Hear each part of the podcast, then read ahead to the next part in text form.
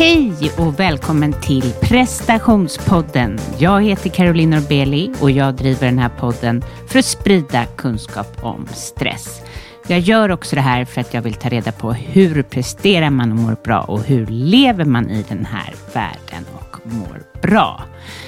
Alltså, eh, prestationspodden har fyllt sju år och det är helt otroligt, i alla fall för min del. Eh, sju år och 287 avsnitt och eh, eh, ja, det, jag hade nämligen tänkt att jag skulle ha gjort ett, ett lite specialavsnitt där jag berättar kring den här resan som det har varit för mig kring podden, kring gästerna och ja, för dig som är intresserad av det. Men eh, jag har ju lite olika anledningar till att vara lite trött och ni som har lyssnat de senaste avsnittet vet ju att jag har gått igenom en sak som har varit och är svår för mig.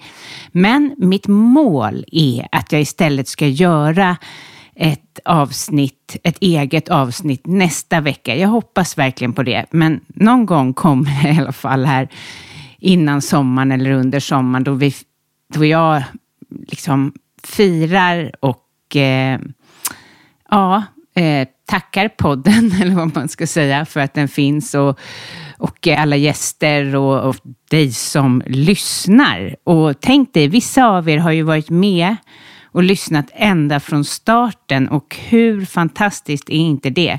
Ehm, jag märker det på Instagram ibland när ni skriver till mig att ni vet vem Per var som jag startade podden med och etc. Men ja, jag, eh, jag har liksom inte haft kraft och, och, och förbereda någonting. Och det beror på att jag, eh, eh, när jag var i Deja på mitt underbara retreat, eh, vi hade haft världens finaste eh, ja, retreat och jag var supertrött. Eh, alltså, jag är det när jag har de här retreaten, mycket för att vi går så mycket och jag ska ju också ha, eh, vara ansvarig och vi är uppe i bergen och det är ansträngande på det sättet, eh, även om vi återhämtar oss med yogan. Men eh, så var det den här sista morgonen då vi eh, skulle ha liksom mer en halv dag med lite yoga på morgonen och sen vill alla släppas fri och njuta av eh, liksom eh, att gå och bada och göra egna saker när de ändå är i Deja och den här underbara orten. Men på retreatet så fanns en vän till mig eh, och jag kommer berätta kring det här väldigt diskret, lite kortfattat och allting för att hon är väldigt privat och den här händelsen har fått väldigt mycket uppmärksamhet i media. Men jag vill berätta bara min version, så jag kommer inte nämna henne trots att det egentligen handlar om henne. Men det var på morgonen, vi skulle ha yoga och eh, då hon säger att hon inte kan ha yogan. Hon har suttit och fått samtal någonstans ifrån. Och jag förstår inte någonting just då, men då hon säger orden som var och är fruktansvärda att hennes son hade knivskurits till döds um, under natten. Och det har helt, eh, alltså såklart, att få höra det från en vän, få vara med eh, en vän under den tiden, i alla fall för mig, så innebär det en enorm chock för hela mitt system och hela världen har satts i gungning för mig. Eh, vi var väldigt snabba på att boka om biljett och så eh, personen i fråga kunde åka hem snabbt eh, och retreatet fick liksom på ett sätt då fortsätta. Men jag har därför varit i chock i flera dagar. Eh, Och jag har eh, nu kommit ut ur chocken, vilket är så skönt. Eh, jag kom, det känns som att jag är på andra sidan, även om eh, tankarna på det här gör ju att jag har väldigt svårt med fokuset på någonting annat. Och um, Ja, och det är också så att jag känner att världen, alltså jag vet att inte behöver, man ska inte fokusera på allt det dåliga som händer, men just nu för mig känns det väldigt läskigt att det fortsätter eh, skjutningar i Farsta. Ja, men att, man, att, att det liksom är så här vårt samhälle lite ser ut just nu. Och jag jag har väl varit i en fas innan, alltså jag har alltid vetat att mitt jobb är viktigt och podden är viktigt, men du, ni vet, man känner den här meningen starkare och mindre stark. Men nu känner jag ju att den här podden, som jag har förstått kanske lite tröstar, kanske visar vägen eh, ur utmattning eller stress, är så viktig. Eh, och att eh, jag har ju fått på det sättet någon slags nystart. Inte för att nu kanske jag går lite snabbt fram här, för att den, eh, men, men, men ja, det är många känslor och jag tänker på samhället väldigt mycket. Och jag tänker liksom hur viktigt det är att vara en, en god människa. Och det är också så konstigt. Eller liksom, det är sådana saker som man kanske alltid borde tänka på. Men jag känner också ja, men att jag i den här chocken och nu att jag kommit ur, ur den här chocken har, har jag fått möjlighet att jobba med mig själv. Eller möjlighet, jag är tvungen. Jag har träffat en präst som, som är väldigt fantastisk att prata med i sådana här lägen när de har en annan syn på liksom döden och eh, kan prata kring det. Och sen har jag en coach som jag går till, som jag lägligt just hade eh, bokat upp och så går jag till en ny osteopat som tar hand om mig på bästa sätt. Eh, så det har gjort att jag, jag jag känner mig absolut bättre, men jag är otroligt tyngd såklart och oroar ju mig hur min vän har det och sådär. Um, ja, så det är det här som har hänt och det är obegripligt att man ska behöva uppleva det här tycker jag. Um, och att att det har blivit så här i Sverige. Eh, och vad viktigt det är att vi liksom ser, tar hand om oss själva. Eh, för det är väl det vi kan göra. Sen kunde man ju kanske också önska politiker som är värda namnet politiker. Alltså jag, jag riktar mig inte mot någon sorts parti eller så, utan man kunde ju önska att det kommer någon stark ledare som, som bara som hade liksom både den här alltså, smartheten men också kanske någon form av så här, andlig stabilitet på något sätt. Där man måste prata sanning och ja, jag vet inte, men ni hör, jag är lite både och. Eh, Ehm, jag, jag går ut och in i olika känslor helt enkelt när det gäller det här. Och eh, på grund av det här då så kommer jag förhoppningsvis kunna ha mitt det här sjuårsjubileumet för podden nästa vecka.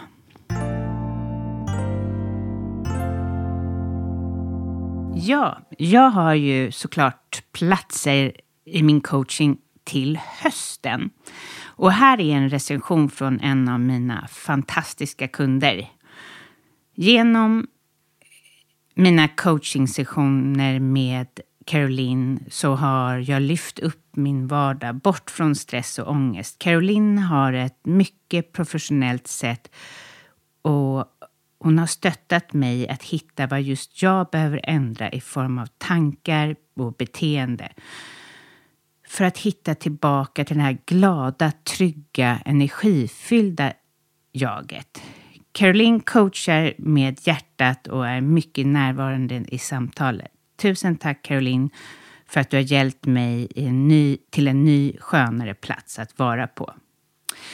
Så, det är lite bara för att jag vill beskriva hur det kan vara att gå hos mig helt enkelt. Och är det så att du vill skapa förändring i livet och komma i kontakt med dig själv och minska stress och prestationskrav, hitta glädje och prestera och må bra eller kanske vill du hitta en större mening. Så skicka ett intresseanmälan på carolinorbeli.com så hör jag av mig och Eh, det första mötet är till för att du ska få avgöra om jag är rätt för dig och det är 30 minuter kostnadsfritt. Så välkommen att höra av dig. Jag har ju också en kurs som det är jättekul att det är så många som har bokat upp sig på. Alltså det är en kurs som är helt digitalt. Du kan alltså sitta och fnula helt för dig själv och jag ger dig de bästa verktygen som jag har hittat under de här sju åren med podden, i min erfarenhet som coach och som jag ser skapar eh, förändring och minskar stress. Så det går också att hitta på min hemsida carolinorbilly.com och kursen eh, är i fem moduler. Så in och kolla in den. Det är jättebra och eh, ett bra pris också. One size fits all seemed like a good idea for clothes. Nice dress. Uh, it's a t-shirt. Until you tried it on. Same goes for your healthcare. That's why United Healthcare offers a variety of flexible, budget friendly coverage for medical, vision, dental, and more. So, whether you're between jobs, coming off a parent's plan, or even missed open enrollment, you can find the plan that fits you best. Find out more about United Healthcare coverage at uh1.com. That's uh1.com. Ryan Reynolds here from Mint Mobile. With the price of just about everything going up during inflation, we thought we'd bring our prices down. So to help us, we brought in a reverse auctioneer, which is apparently a thing.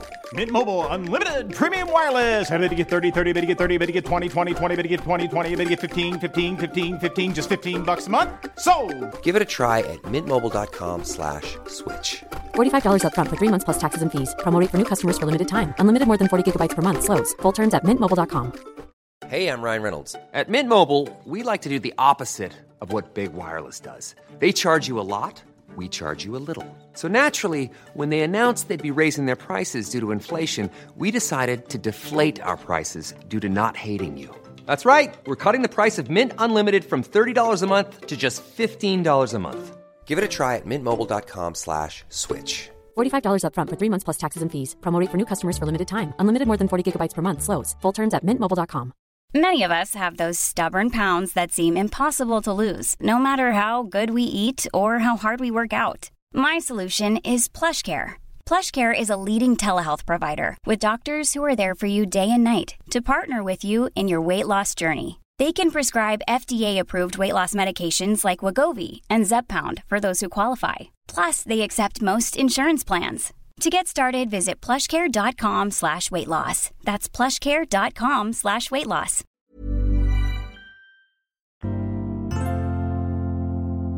Till det här avsnittet har jag intervjuat återhämtningsforskaren eh, Lina Eilertsson.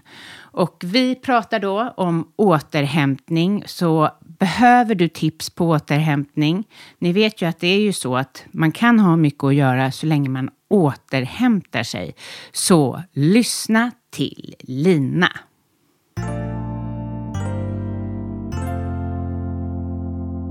Hej och välkommen till prestationspodden Lina. Tack så mycket. Berätta, hur kom det sig att du började forska på återhämtning? Ja, jag var väldigt intresserad av arbetshälsa och vad får oss att må bra på jobbet. Eh, jag var väl som kanske många är lite trött på det här ständiga fokuset på hur stressade vi är, hur ont vi har och vad som får oss att må dåligt på jobbet. Eh, så jag tillsammans med min forskargrupp ville kolla ännu mer på vad är det som istället får oss att må bra på jobbet och gå till jobbet med, med glädje. Och, och då när vi kollade på det här, eh, vad är viktigt för att må bra på jobbet, så kunde vi rätt så snabbt se att det verkar vara att känna sig återhämtad som är det viktiga. Så det var där lite min resa kring återhämtning började. Att, att jag fick upp ögonen för att ah, det är det vi behöver. Och insåg rätt snabbt att då, när jag började för över tio år sedan, så visste vi nästan ingenting om återhämtning på jobbet. Nej, och det är väl ja, verkligen intressant. Jag ska säga det också att eh, jag brukar fråga mina gäster om tips vem jag ska intervjua och det är mm. flera mm. som har tipsat om dig. Nej, men vad roligt. Ja. Vad glad jag blir.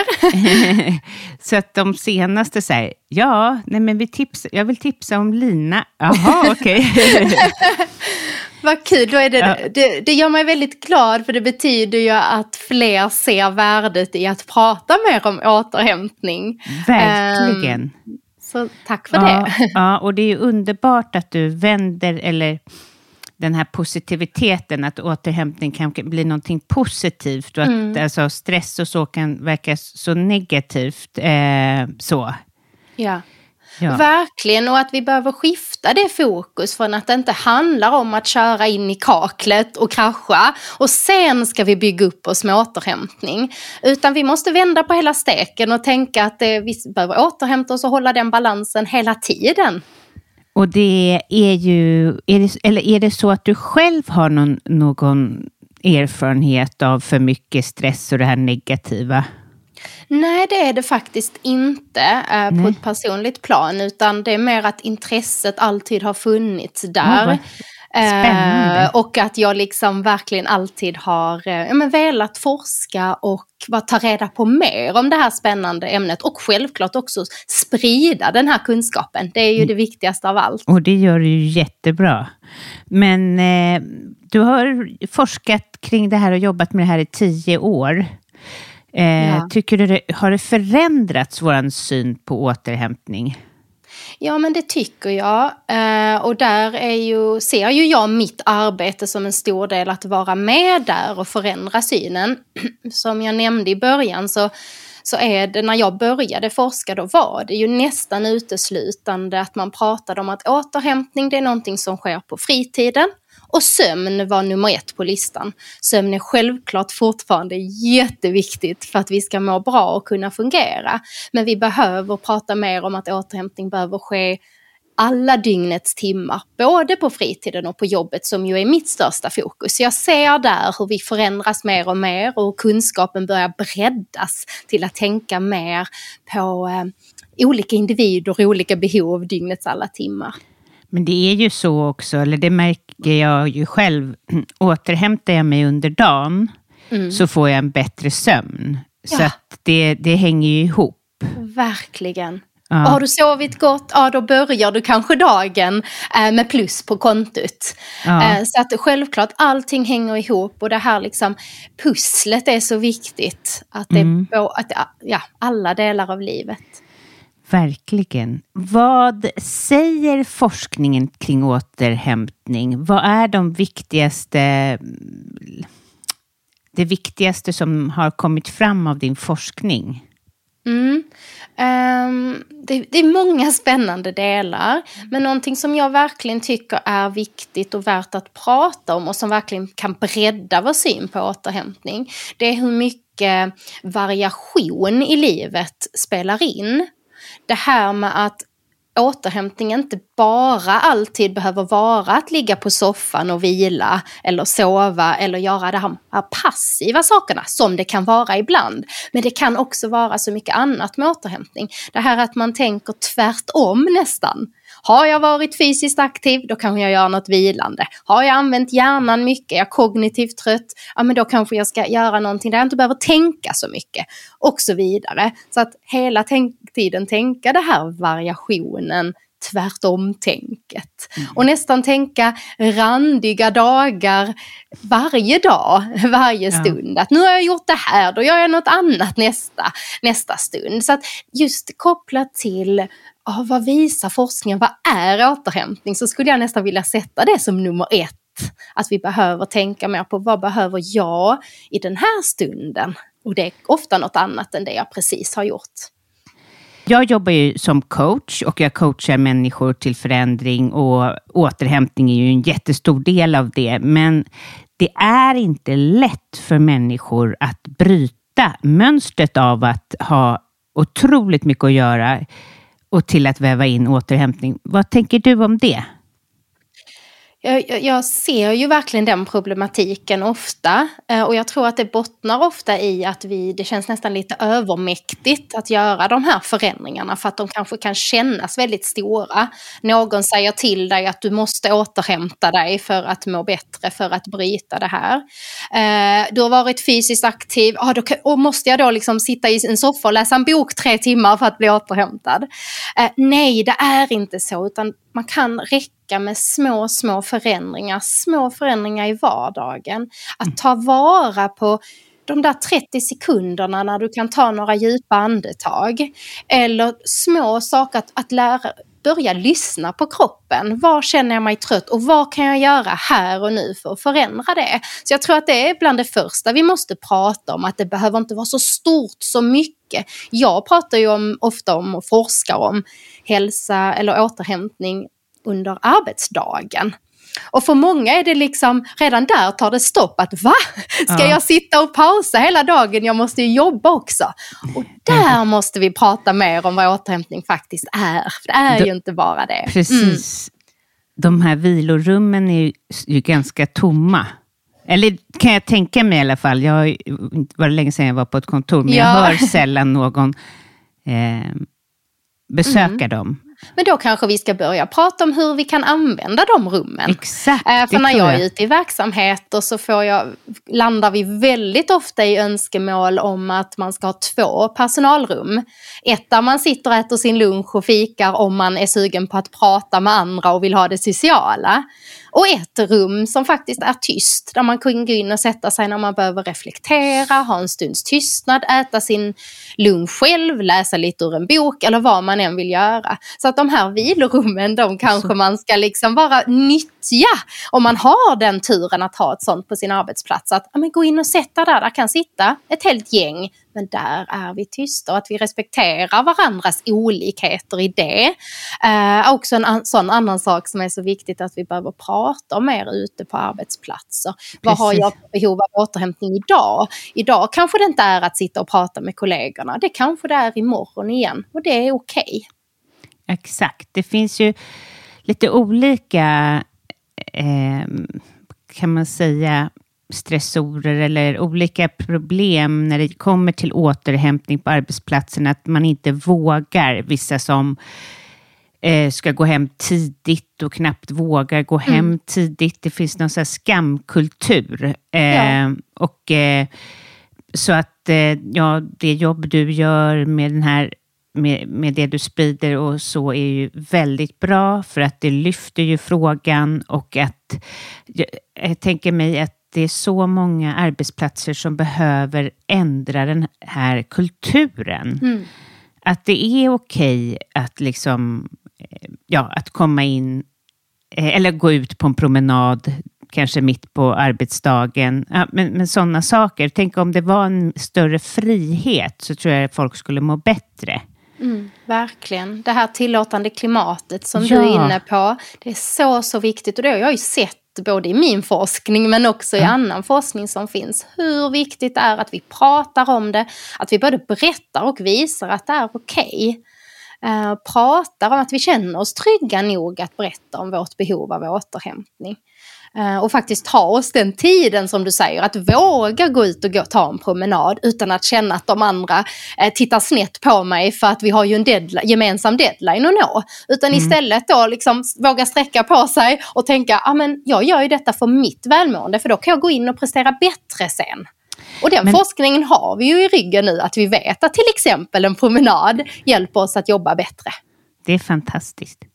Men också det här att eh, vi är ju uppvuxna i en, eller många i alla fall, med det här att när jag har presterat är jag värd att vila.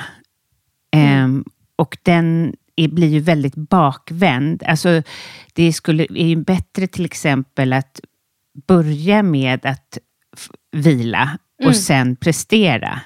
Ja. Eh, men de flesta väntar ju på så här, när är jag värd att, att vila? Mm. Har du sett någonting kring det? Ja, men det är ju jättevanligt som du säger, den här mm. lite belöningssystemet, att återhämtning är en belöning. Och, och det är det vi behöver liksom mm, sluta ha det fokuset helt enkelt och försöka mm. hålla den här balansen. Och precis som du säger, vända på det istället. Ja. Uh, ja. Och eh, kanske liksom tvinga in det lite grann. Alltså jag får göra det själv som mm. arbetar med det här. Det kommer inte naturligt att eh, börja dagen med en springtur och börja jobba lite senare. Nu jobbar jag ju själv så det blir också lättare. Jag har ingen chef att förhålla mig till. Jag, ja, men de flesta som lyssnar eh, har ju det. Och eh, det vore ju vore otroligt eh, bra om det, där, om det här kunde förändras. Verkligen. Mitt bästa råd där det är att boka in återhämtning. Mm. För att det tar tid att få det som rutin. Att få det att bli den här naturliga delen som vi ju självklart är ute efter. Men i början behöver vi schemalägga det, skriva in det i kalendern, liksom verkligen avsätta tid, inte tänka att ledig tid heller måste utnyttjas till max. Hela semestern, varenda dag, varenda helg, varenda kväll. Utan att vi faktiskt också bokar in tid där vi inte har någonting planerat. Ja. Det är så, så viktigt. Och så även på jobbet, självklart. Nu är det inte alla som lyssnar som kan styra över sin tid. Eh, men att man samtalar om detta på jobbet. Hur viktigt det är att inte boka möten kloss i kloss till exempel. Mm. Eller hur nu arbetssituationen ser ut. Utan att man faktiskt får in de här, även mikropauser är så, så viktiga och värdefulla för att må bra. Precis. One size fits all seems like a good idea for clothes until you try them on. Same goes for healthcare. That's why United Healthcare offers flexible, budget friendly coverage for medical, vision, dental, and more. Learn more at uh1.com. There's never been a faster or easier way to start your weight loss journey than with PlushCare. PlushCare accepts most insurance plans and gives you online access to board certified physicians who can prescribe FDA approved weight loss medications like Wigovi and Zepbound for those who qualify. Take charge of your health and speak with a board certified physician about a weight loss plan that's right for you. Get started today at plushcare.com slash weight loss. That's plushcare.com slash weight loss. Plushcare.com slash weight loss. Hey, I'm Ryan Reynolds. At Mint Mobile, we like to do the opposite of what Big Wireless does. They charge you a lot, we charge you a little. So naturally, when they announced they'd be raising their prices due to inflation, we decided to deflate our prices due to not hating you. That's right. We're cutting the price of Mint Unlimited from $30 a month to just $15 a month. Give it a try at mintmobile.com slash switch. $45 upfront for three months plus taxes and fees. Promo for new customers for limited time. Unlimited more than 40 gigabytes per month. Slows. Full terms at mintmobile.com.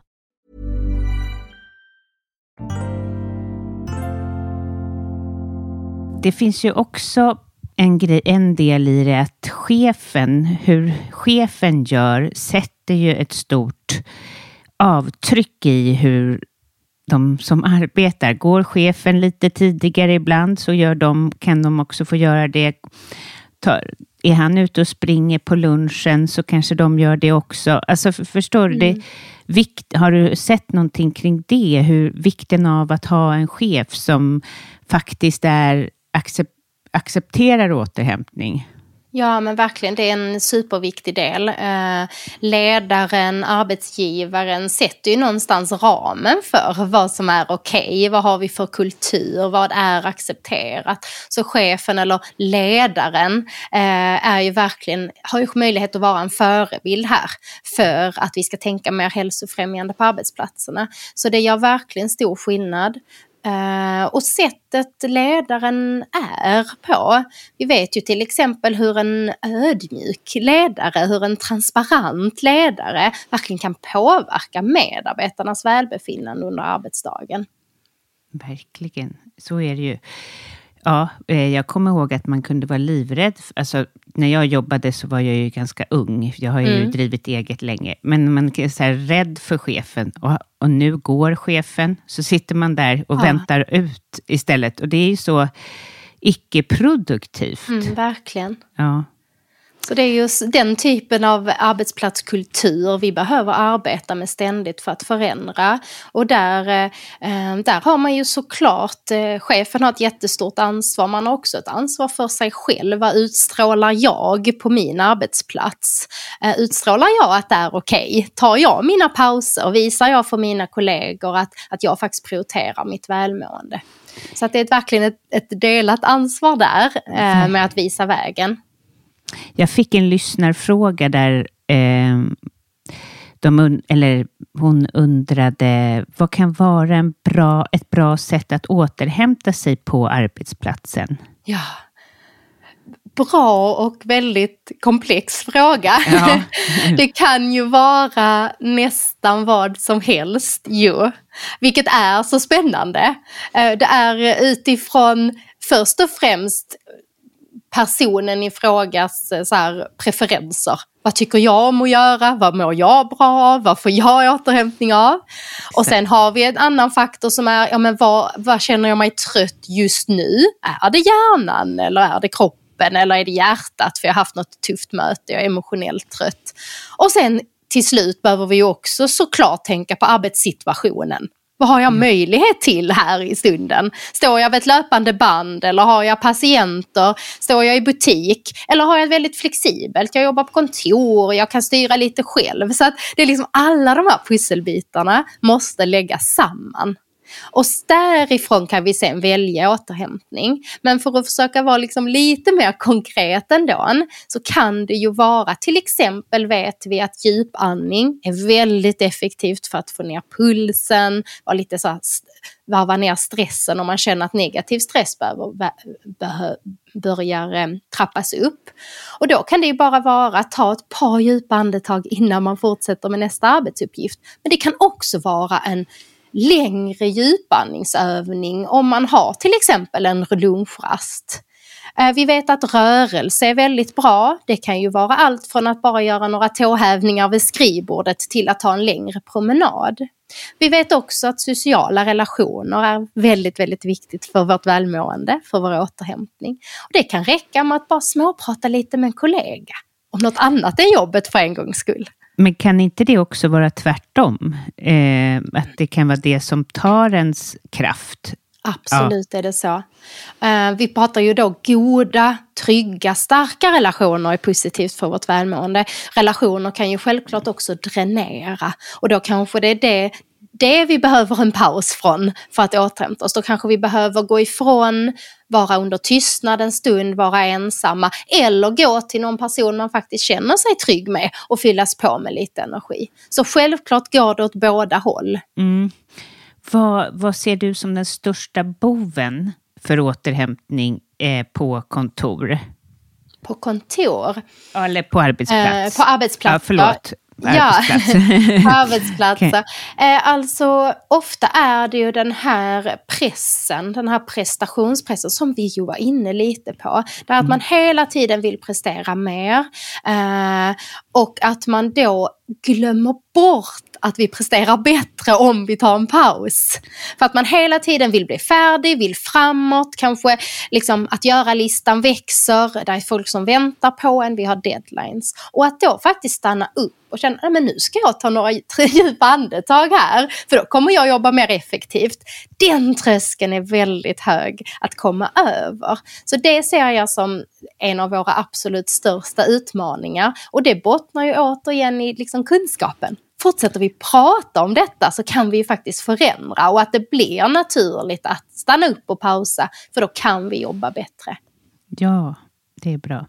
Sen finns det ju också en stor del av, av eh, ja, men, äh, många människor grubblar ju. Mm. Alltså det här grubblet gör ju att man inte får den här pausen. Vi är uppe i våra hjärnor och har svårt att komma ner i kroppen. Mm.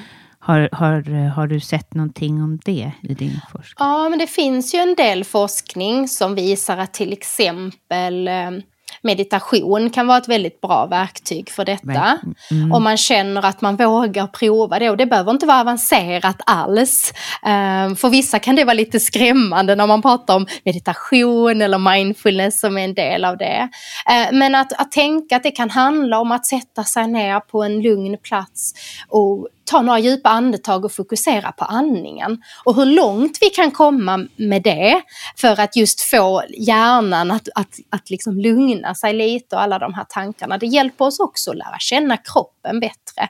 Så det kan vara ett, liksom ett bra tips om man känner att man har svårt att varva ner. Eller fokusera på något annat. För jag träffar ju många som säger det finns inget mer stressande än att någon säger åt mig att ta några djupa andetag. För att det är då tankarna kommer igång till dem vill jag säga, prova att fokusera på något annat som tar din fulla tankeverksamhet. Det kan vara att göra någonting med händerna, något handarbete eller läsa någonting eller lösa ett korsord eller sortera någonting. Vad som än passar i den situation du befinner dig i. Men så att vi hjälper hjärnan lite på traven med att släppa de här grubblande tankarna.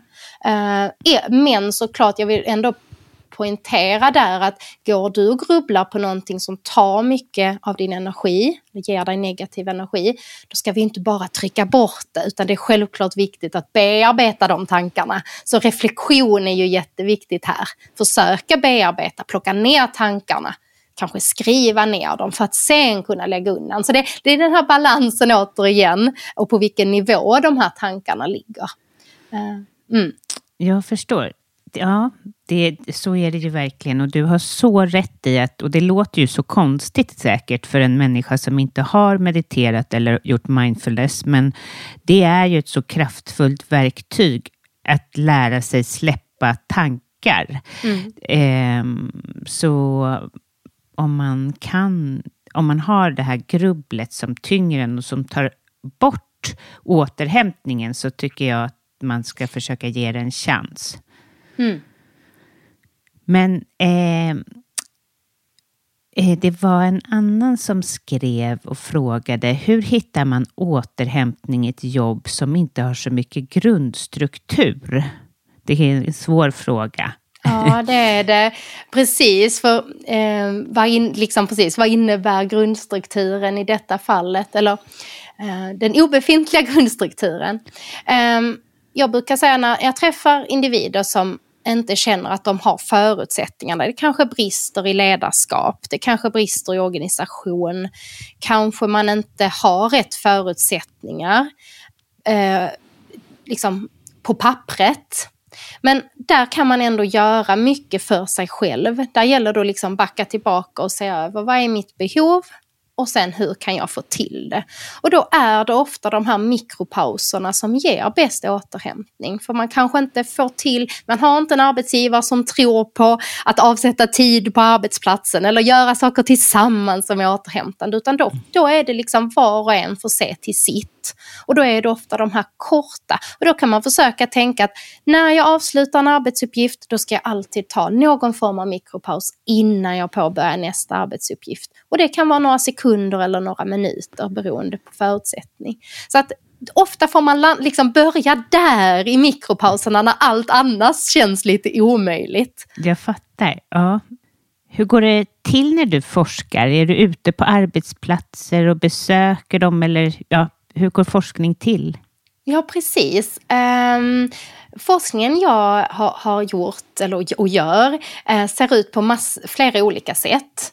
Um, det handlar om att vara på en eller flera arbetsplatser och då skickar vi dels ut enkäter som de får svara på så att man får lite sådär svart på vitt Um, hur skattar de sin hälsa? Hur skattar de sin möjlighet till återhämtning? Och olika då eh, arbetsplatsfaktorer som vi vet påverkar eh, välbefinnandet.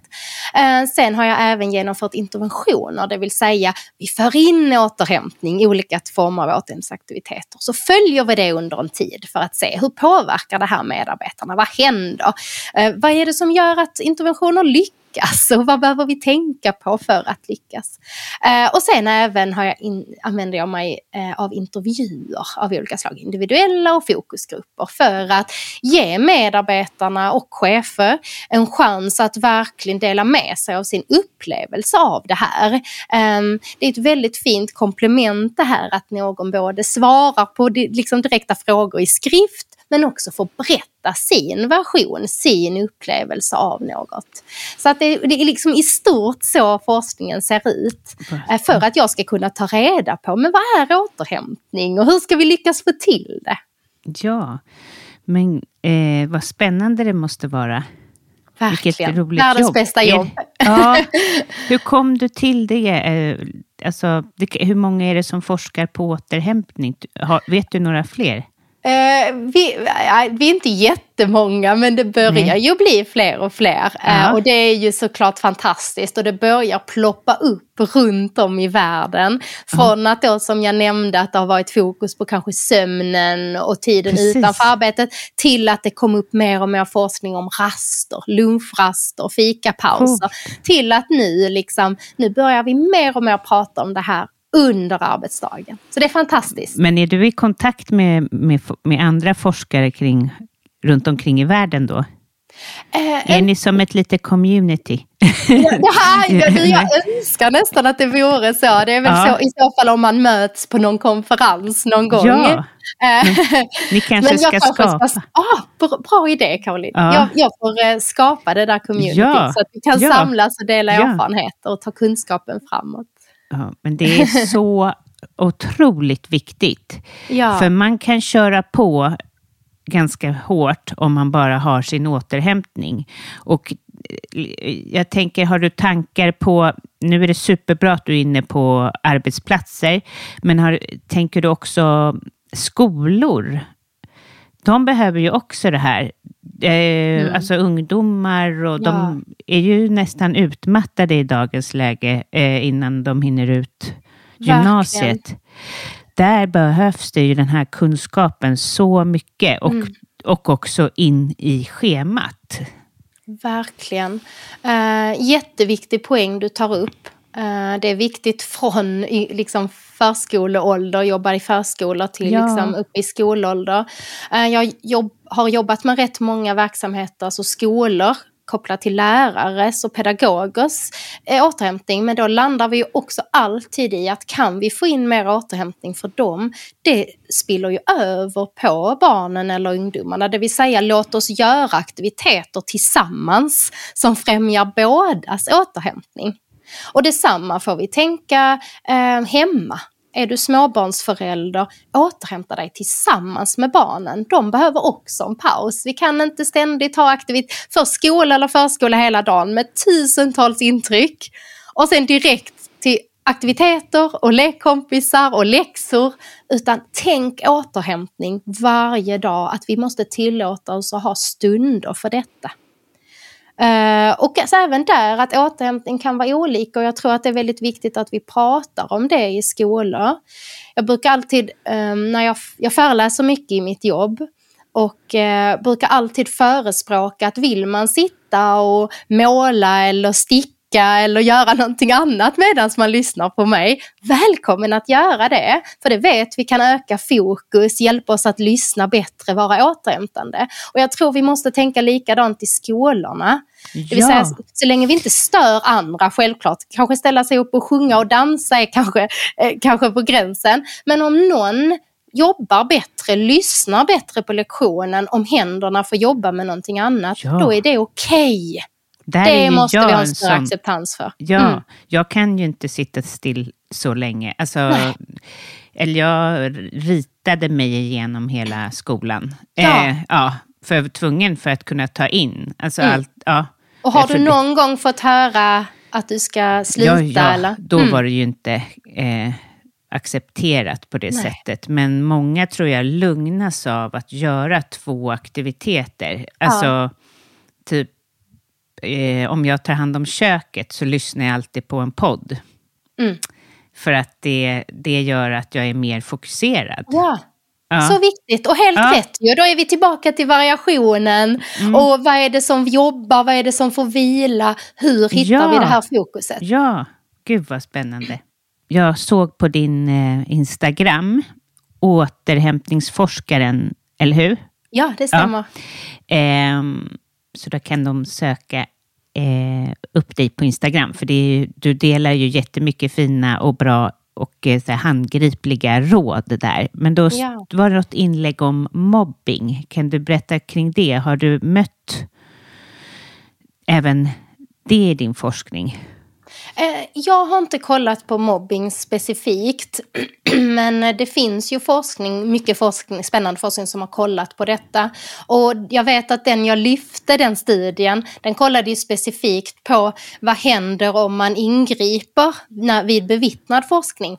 För att man ser ju många ute i verksamheter som kanske ser det hända, men inte vågar ingripa för de är eh, rädda att bli drabbade själva. Ja. Då fanns det en, en svensk studie som hade kollat på just detta och sett att det verkar inte finnas någon ökad risk för det. Så det vill säga, liksom, gör något om du ser, visa ditt stöd till den som blir utsatt. Eh, tillsammans kan vi få en förändring.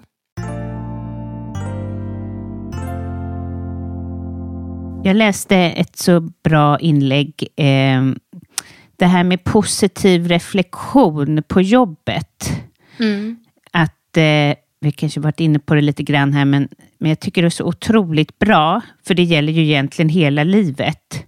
Ja. Eh, att, att liksom ta fram, för det är ju många som har så mycket negativt med sig med jobbet och stress och känner sig otillräcklig. Och, men att, att sätta sig ner och reflektera över vad har varit bra? Berätta lite kring det. det. Det var Ja, det är ju, om vi liksom börjar i änden hela livet, så finns det ju forskning som visar att just det här med positiv reflektion eller tacksamhetsreflektion, att Ja. tänka på vad, vad är jag tacksam för, det kan faktiskt påverka hur lyckliga vi känner oss, hur bra vi mår och det är så spännande hur tanken och så små aktioner, att bara göra det till exempel varje kväll innan man går och lägger sig, faktiskt kan göra skillnad. Eh, men då finns det ju speciellt då forskning som kollar på arbetsdagen och kopplat till återhämtning och välbefinnande. Och då kan man säga att reflektion är ju det absolut viktigaste för att vi ska återhämta oss. Men och händer det något jobbigt, något tufft, man grubblar över, är det bra att ta tag i det liksom rätt så direkt efter händelsen. Har jag någon jag litar på som jag kan bolla lite med och prata så att jag kan lägga undan den negativa känslan. Men när det handlar om positiv reflektion är det väldigt effektivt att lägga det sist på arbetspasset eller arbetsdagen. Det vill säga sista minuterna innan jag går hem. Att hur tuff dagen än har varit, att försöka sätta fingret på i alla fall en positiv händelse som Ja. har gett mig något. Och det kan ju vara nästan vad som helst. Det kan vara någon, man har mött som har känts betydelsefullt. Eller en, man känner sig stolt för man har klarat en arbetsuppgift eller vad det är. Men kan vi sätta fingret på detta, gärna skriva ner det om man har möjlighet. För den här fysiska handlingen att skriva ner kan också hjälpa. Då vet vi att då, då är, kan det påverka återhämtningen i stunden, återhämtningen när man är ledig, men också liksom välbefinnandet. Så att tänk liksom vad, vad långt vi kan komma med sådana små förändringar. Men, och fantastiskt, för det brukar jag eh, propsa på när det gäller mina kunder. Ja. De ska öva på det. Men det finns alltså forskning som stödjer det här också. Ja, absolut. Så det Nu kan du hälsa dem. nu kan jag gå ut ännu starkare. Ja, absolut. Och, och det är såklart även därför när man, vissa saker kan kännas lite obekväma. Eh, när vi pratar meditation, vi pratar Ja. tacksamhetsreflektion, sånt här som kan kännas kanske lite flummigt för Ja, många. Men jag vill ändå verkligen så här säga att testa det. Ge det ett par dagar där du testar och sen kan du utvärdera. Hur kändes detta? Vad gav det mig? Funkar det inte för dig? Då är det helt okej. Okay. Då kanske du ska prova något annat. Men jag tänker att det kan vara så väl värt att testa och se. Kanske kan det göra en förändring för just dig som lyssnar.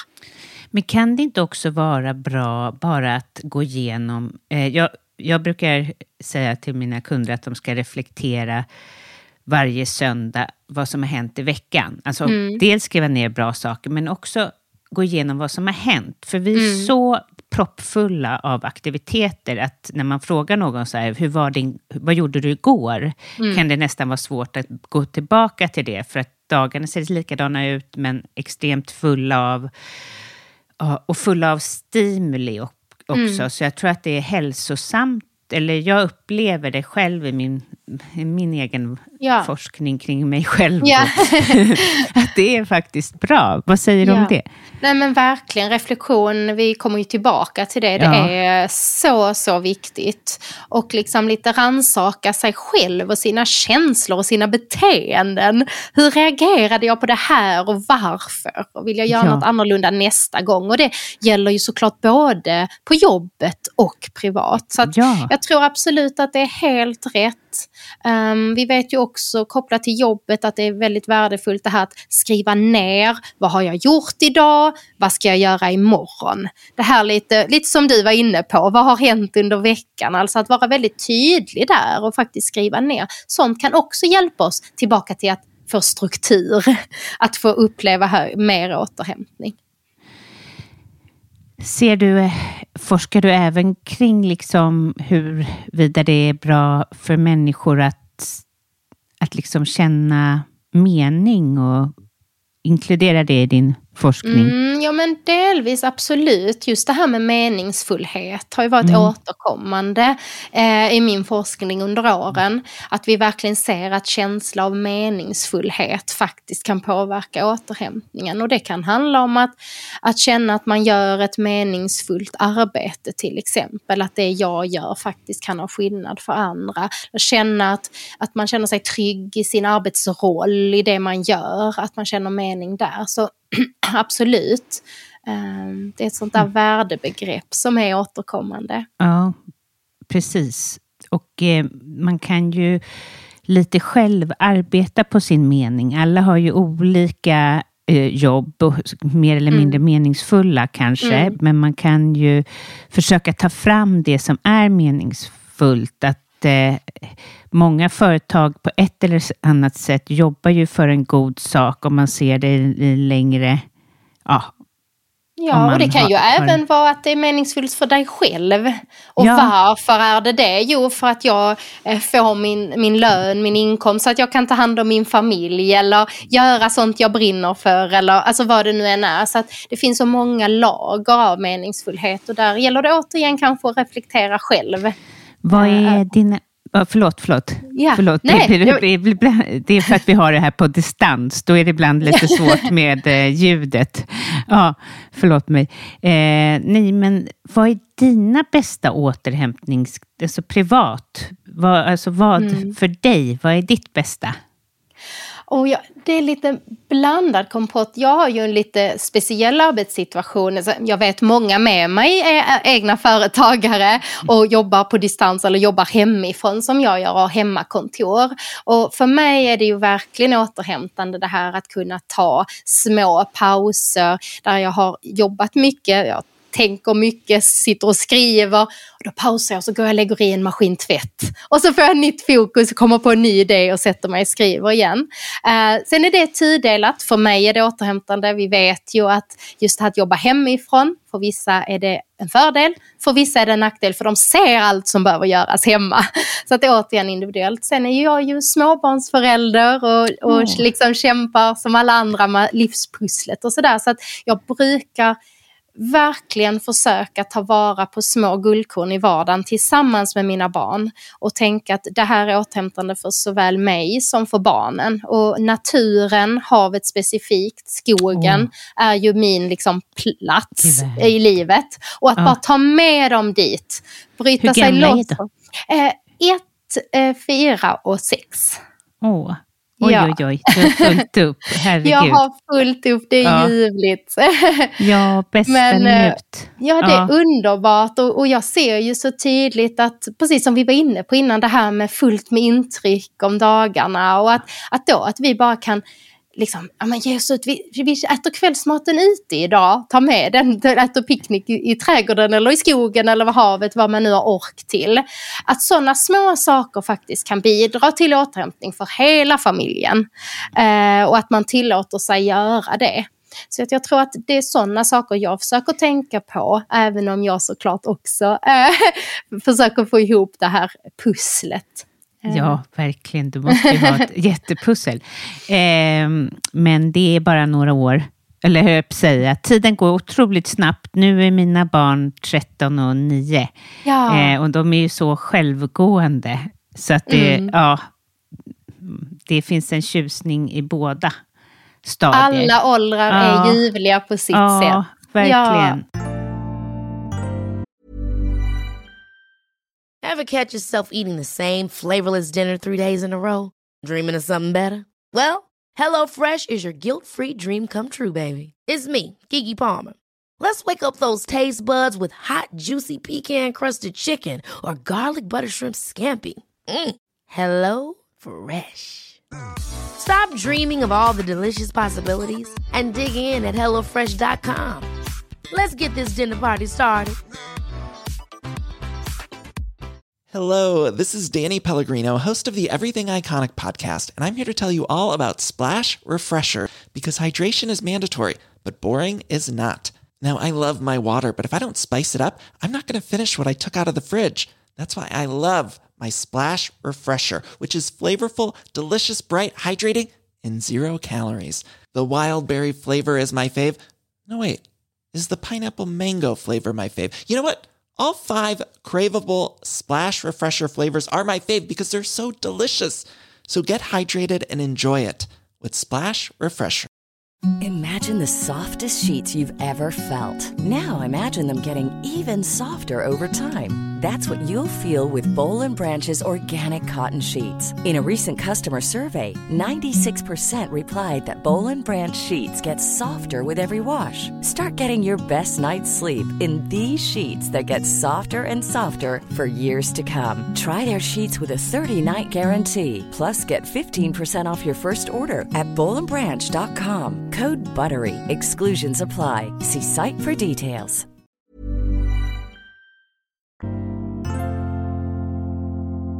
Om du, eh, eller du kanske har träffat på ett företag eh, som du tycker liksom är en, du behöver inte säga vilket det är, men hur, eh, ett drömplats, alltså som de jobbar med återhämtning.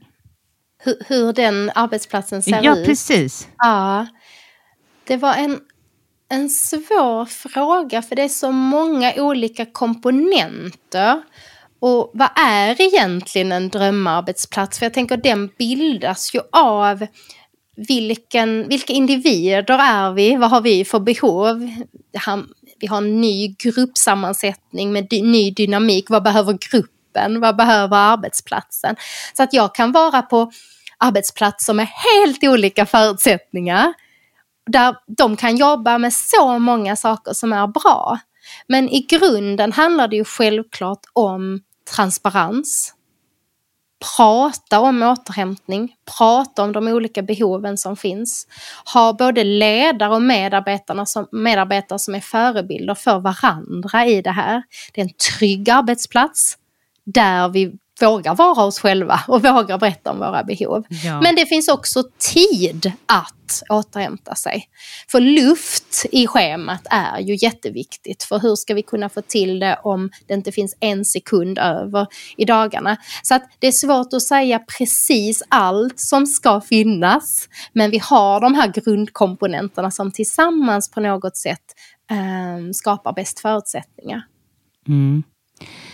Precis, och det är ju de här förutsättningarna som gör att tillfället att man kan prestera, hamna Mm. typ i flow eller så, det kommer ju av att man har tagit hand om sig själv på ett visst sätt, eh, på ett bra sätt för just individen. Så det är Ja. ju så viktigt. Ja. Det vi kommer inte kunna pressa oss till det visst, om, till en viss del kanske, men de här riktiga uppenbarelserna inom oss, som, eller ja, du vet, som när du går och lägger i en tvätt. Det Mm. kommer ju inte av när vi sitter och pressar oss vid en dator. Nej, och det blir ju jättetydligt i mitt yrke till exempel där jag eh, sitter och skriver mycket nu och man känner att kreativiteten finns inte där. Då måste jag tillåta mig själv att ta en paus och göra någonting som väcker kreativiteten till liv. Och inte känna där att nej, det är deadline, måste sitta kvar. För det leder ju inte till något gott. Och det kan vi ju överföra i nästan alla arbetskontexter, bara att det är olika typer av arbetsuppgifter. Eh, Men just att, ins- att själv sätta fingret på att nej, men nu är det stopp, nu behöver jag göra någonting för att nollställa mig, för att hitta fokus, hitta kreativiteten, hitta ny energi, vad den är som behövs i stunden. Verkligen. Ja, men alltså så spännande att ha dig här i prestationspodden. Ehm, och ja, jag tycker som sagt att ditt arbete är otroligt viktigt. Och jag bara hoppas på att du kommer fortsätta och att ni kanske teamar upp alla. ja. Ja, vi, kan, Eh, vi kan hoppas på det. Tack ja, så mycket. Precis.